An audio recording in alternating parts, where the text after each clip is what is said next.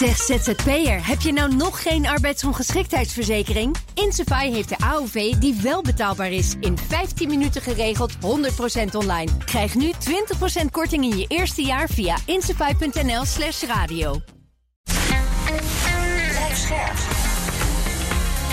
BNR Nieuwsradio. Boekenstein en de Wijk. Conor Klerks. Dit is een extra uitzending van Boekenstein en de Wijk... in verband met de oorlog in Oekraïne en de crisis met Rusland. Het is woensdag, dag 91 van de invasie. En het is een bijzondere woensdag, want Hugo is zowaar een keer vrij. Dus heren, jullie zullen het met mij moeten doen. Ja, Ja, zal- nou ja, zal- raar hoor dat Hugo vrij is. Ja, dat kan eigenlijk niet, hè? Ja, dat kan je niet begrijpen. Wij hebben zijn nooit gewoon. vrij. Wij hebben nooit vrij. Nee, Het is oorlog. ja. nou, Maar je bent Jan, van eh, harte welkom. Eh, Dank je wel. Arend Jan, laten we bij jou beginnen met de situatie op de grond. Ja, nou ja, in Severodonetsk gaat die artillerie, artillerie- artilleriebeschietingen van drie kanten gewoon door. Er is geen water meer, er is geen elektriciteit. Burgers zitten, verblijven in kelders. Er zijn zes eh, mensen overleden of doodgeschoten of omgekomen in Severodonetsk. Eigenlijk is allemaal weer Mariupol revisited. Hè? En dat lijkt ook een beetje op die Russische omsingelingen van 2014, 2015. ja. En het gaat om nou een heel Jan, dus eh, even. Ja, inderdaad, Mariupol eh, revisited. Eh, maar de tactiek is wel veranderd. Hè? Ja. Eh, dus waar het eerst ging om een tamelijk breed front om die hele Donbass in te nemen, is men nu bezig met het omcirkelen van steden. Men probeert ste- stad voor stad te pakken. En eh, op drie plekken worden eh, steden nu omsingeld. Severodonetsk is een, eh, is een goed voorbeeld daarvan.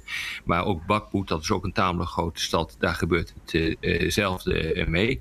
En eh, op die manier probeert men door die individuele steden te pakken... een groter gebied onder controle te krijgen. Wat nog niet makkelijk is trouwens.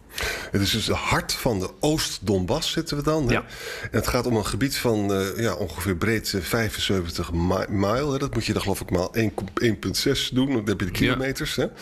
En daar kunnen de Russen dus hun vuurkracht concentreren. En ze hebben het voordeel van kortere aanvoerlijnen. Ja, en, en realiseer je dus dat, eh, dat Oekraïne 10% van de, van de provincie Luhansk nog in handen heeft. Dus dat is heel weinig. Ja, ja. Nou, wat er verder is gebeurd, is dat er eh, vier cruise missiles zijn neergekomen op Saporizia. Dat is in het zuiden, bij die kerncentrale. Daar is één dode bij, vier gewonden, 62 huizen kapot. En ook in het oosten van de Oekraïne, bij het stadje Pokrovsk... is in de buurt van een treinemplacement is... eh, eh, is, is er dus een cruise missile neergekomen. En daar stonden dus mensen die op- eh, aan het evacueren waren. En, en of daar dus eh, mensen bij om zijn gekomen, weten we gewoon niet. Ja.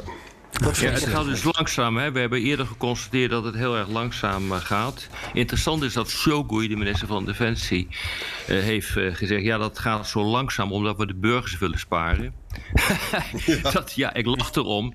Maar ik bedoel, je hebt net uitgelegd dat eh eh Severodonetsk eh, ongeveer met de grond gelijk wordt ge- gemaakt. En dat het Mariupol re- revisited is. Ja. En je ziet dus ook op, de, op de Russische telegramkanalen van die Russische bloggers. Dat ze zeggen, nou dat is natuurlijk flauwekul, want er wonen allemaal nazi's, daar hoef je helemaal niet voor over in te houden. Dus er moet gewoon wat anders aan de hand zijn. Nou, dat andere is natuurlijk ook aan de hand. Het gaat gewoon niet zo goed. Ja, Poetin heeft vandaag eh, in, met een witte jas aangetrokken. En hij is in Moskou naar een militair hospitaal gegaan. En daar heeft hij dus gewonde soldaten bezocht. Hij heeft ze beloofd eh, betere social welfare maatregelen. En ook allerlei militaire benefits. Hè?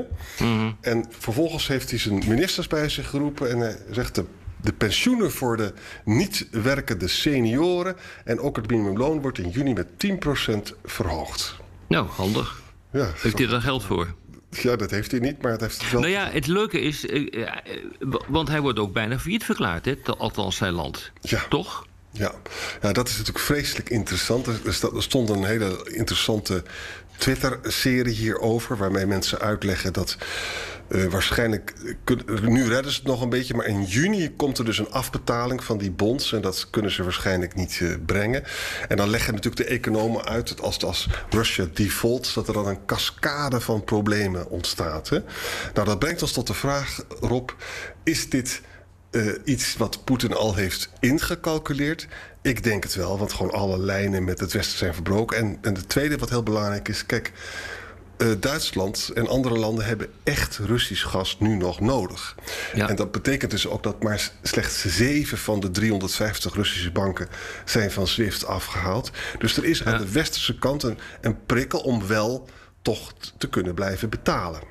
Ja, nou ja, ik, las, uh, ik las ook nog een, een, een argument uh, bij CNBC dat ze ook zouden kunnen zeggen: ja, wij zijn helemaal niet in default, maar uh, door de sancties kunnen wij gewoon niet betalen. Ja. Het geld hebben we wel. En dat ze daar misschien op die manier nog onderuit kunnen. Exact, maar het, het, dat is absoluut juist. Het argument wordt ook gebruikt. Maar het punt op korte termijn is dat ze heel lastig met dollarstransacties kunnen doen en leningen kunnen afsluiten. En wat er gaat gebeuren is kennelijk dat lenen in andere valuta ook heel erg duur begint te worden, omdat die rente omhoog giert. Daar zit het grote probleem. Ja, ook in China dus. Als je daar dus een lening plaatst, dan moet je dus een hogere rente betalen omdat dat land een default is. Met andere woorden, als je een leuke start-up start in Moskou en je hebt geld nodig, dan wordt dat er niet makkelijker natuurlijk op door deze situatie. Ja. Maar nogmaals, het feit dat we nog steeds dat gas nodig hebben, betekent dat er wel gaatjes uh, zullen blijven bestaan. En uiteindelijk, ze vinden wel een weg. Ze vinden wel een weg, denk ik. Ja. Mm. Duitsland heeft nu gezegd dat ze de, uh, de coal-fired power plants, dus de, de, de, de steenkool gestookte elektriciteitscentrales, open houden. Uh, want ze zijn toch bang dat er een complete gas-cut-off gaat plaatsvinden. Ja, die willen zeer dicht doen, hè? Ja. Dat is zeg maar hun Groningen, om het maar zo te zeggen. Ja. Dat, dat nou, die discussie gaan we hier natuurlijk ook krijgen. Dat kan niet anders. De EU kwam vandaag bijeen en heeft besloten om dat uh, mensen, oligarchen die de sancties ontlopen, hè, dat het, mm -hmm. wordt nu beschouwd als een criminal offense. En ze hebben ook meer wetten uh, gemaakt om de assets te kunnen confisceren. Want ze zijn een beetje ontevreden over de hoeveelheid jachten en villa's ze uiteindelijk hebben. Ja, vind gek. Ik, ja. ja, vind het gek. 40 landen leggen die sancties op. Dus je moet uh, echt met secundaire sancties gaan werken. Dus weer op andere landen die dan wel weer onderdak bieden, bij wijze van spreken, aan die oligarchen om ze op die manier te pakken. Uh, ik denk dat dat niet echt heel erg goed gaat werken hoor. Nee. Ik denk dat dat een probleem is. Net zoals, uh, we hebben het net al even, of je noemde het ook even wat er verder nog gebeurt. Gas, olie. Zou eens een keer toch redelijk ondoordacht kunnen zijn geweest hoe dat is opgelegd.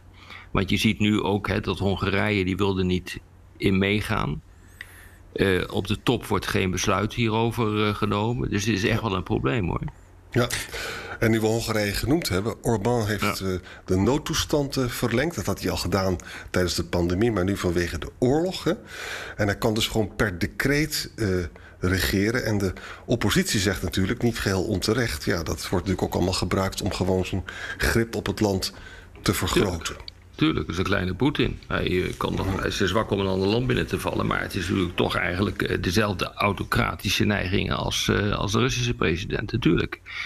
Ja. Arend-Jan, welke macht had Orbán eigenlijk nog niet, die hij nu wel krijgt door de noodtoestand uit te, uit te nou, hij, had dus al de noodtoestand, hè, dus had eigenlijk alles al. Maar dat liep af vanwege de pandemie. Hè, en, en, nu heeft hij dus weer een nieuwe bedacht. Hij, heeft, hij zegt dus ook letterlijk: ja, luister, we, zit, we zijn in oorlog. Of wij niet in oorlog, maar door die oorlog in de Oekraïne worden er vreselijke dingen bedacht door de EU. En, mm -hmm. en zo'n olieembargo en een gas is vreselijk voor ons. Dat kunnen we absoluut. Dus een atoombom, zegt hij letterlijk, hè, voor de mm -hmm. Hongaarse economie. En uh, zo gaat dat dus. Nou, hij zegt dat uh, die hele transitie om van dat gas af te komen en, die, en dat Russische olie af te komen, dat kost zo'n 15 tot 18 miljard. Dus hij wil meer geld hebben. Uh, terwijl uh, om te voldoen aan Repower EU, dus dat, dat nieuwe plan om van de olie en gas af te komen in 2027, ja, daar krijgt hij 2 miljard voor. Dus uh, daar zit echt een, uh, een, een, een enorm gat in wat hij zegt nodig te hebben, wat hij krijgt. Ja, net zoals Erdogan een prijs wil hebben voor Fins en Zweeds lidmaatschap in de vorm van ja. dat de Zweden de PKK moeten verbieden. Hè, probeert Or Orbán ook goede zaken hier te doen, gewoon prijzen Zeker. te vragen. Zeker. Frankrijk levert 12.000 digital devices. Dan moet je denken aan computers en servers en 4G-routers om de Oekraïnse regering te helpen. Mm -hmm. um, wat hebben we dan nog meer? De Chinese leger dat is wel interessant. We hadden gisteren dus die Russisch-Chinese gezamenlijke oefeningen. Ja. Ja. nu, nu de Chinezen alleen, alleen zitten dus met een enorme display of power in de zee en in de lucht eh, rondom eh, Taiwan. Wat overigens vaker gebeurt. Ja, het is uh, echt een relatie hoor, tussen wat er gebeurt in Europa en, uh, en wat er um, uh, in, in Azië gebeurt. we hebben nu ook het bezoek gezien van, van Biden. Hij is nu kennelijk weg. Ja, en Biden gaat ook de defensie van Taiwan uh, uh, reshapen, staat er dan letterlijk. Hè? Ja. Er zijn al US Special Forces in Taiwan die trainen, staat er in de New York ja. Times. En daar gaat hij dus meer aan doen. De wereld is wel aan het veranderen. Ja, is dat dan dat een, een rechtstreekse reactie van, uh, van China op de woorden van Biden? Die geloof ik ook zei dat, dat nog een keer zei dat hij Taiwan wel zou komen verdedigen? Ja, zeker. Ja. China heeft er ook heel Kijk, de angst is natuurlijk uh, sorry, de angst is natuurlijk dat uh, China gebruik maakt van het moment. Amerika is feitelijk in een soort oorlog verwikkeld met Rusland. Dan zou je kunnen denken, daarmee wordt Amerika zwakker. En kan je dus doorpakken op Taiwan. Dus het is wel heel belangrijk wat hier gebeurt. En er zijn dus nu ook nieuwe oefeningen aangekondigd met Zuid-Korea. En dat heeft er weer toegeleid dat een aantal ballistische raketten door Noord-Korea is afgevuurd. Ja, dus het is wel een vrolijke boel aan het worden hoor. En hebben ze dat weer naar de Japanse zee gedaan? Ja, dat klopt. Die zijn uh, buiten de territoriale wateren en ook buiten de exclusieve economische zone van uh, uh, Noord-Korea terechtgekomen. Dus op zich is er niet zoveel aan de hand. Maar het gebeurde wel een half uur nadat Biden was opgestegen. Dus er zit er wel echt direct een verband in. verband tussen het bezoek van Biden en de toezeggingen die hij heeft gedaan aan Zuid-Korea. En dat wordt ja. natuurlijk ook niet, niet echt op prijs gesteld door, door meneer Kim. En Noord-Korea doet dat vaker. En, en, de grote angst van Japan is, ja, als het in de zee komt, is het tot daar aan toe. Maar als hij een fout maakt, dan komt het gewoon op het Japanse vasteland. Hè? Ja, dat kan. Ja, dat zou kunnen. Ja. Je moet er niet aan denken. Ja. Ja. ja. Ja. maar we moeten dat goed in de gaten houden hoor. Dat doen we nou ook wel, denk ik. Door iedere keer ook te kijken van wat gebeurt daar nu eigenlijk. Want dat zijn. Ja, dat, dat staat toch op een of andere manier met elkaar in verbinding. En realiseer je dat aan het begin van de Olympische Spelen wanneer was dat, een half jaar geleden, inmiddels, al, inmiddels alweer, er een overeenkomst is uh, getekend, een soort niet-aanvalsverdrag tussen Rusland en China, waarbij China zijn gang mag, mag gaan in Azië en uh, Rusland zijn gang mag gaan in Rusland, Rusland zijn gang mag gaan in Europa. dus daar is dus een, een, zekere mate van relatie, alleen we weten nog niet helemaal hoe die, hoe die eruit ziet, die relatie. En als je dan gewoon over nadenkt, de relatie tussen Westen en Rusland is slechter dan ooit, zou ik willen zeggen. En de relatie tussen Westen en China is nu ook slechter dan ooit. Ja. Het, is een, het is een lekkere wereld. Gezellig, ja, Connor. Ja. ja, ja. Je komt op het goede moment. Ja. ja, is misschien wel... Uh... is misschien wel, uh, wel mooi op, een, op zo'n positieve noot, uh, noot af te sluiten, heren. Ja, zeker. Absoluut. We spreken elkaar morgen. Ja, ja, ja, ja, ik ga luisteren in elk geval. Ik denk dat uh, morgen Hugo er weer uh, gewoon is. Maar dank jullie wel okay, voor nu. Dit beviel goed. In ieder geval, uh, Connor. Dus, ah, tot over 90 dagen. Als weer wat moet, dan, nou ja, dan mag je weer. tot morgen. Tot morgen. tot morgen. 30 mei, Unlocked. Het event dat de deur opent naar Composable Commerce. Unlocked is exclusief voor groothandels, brands en retailers. Gratis aanmelden, kega.nl.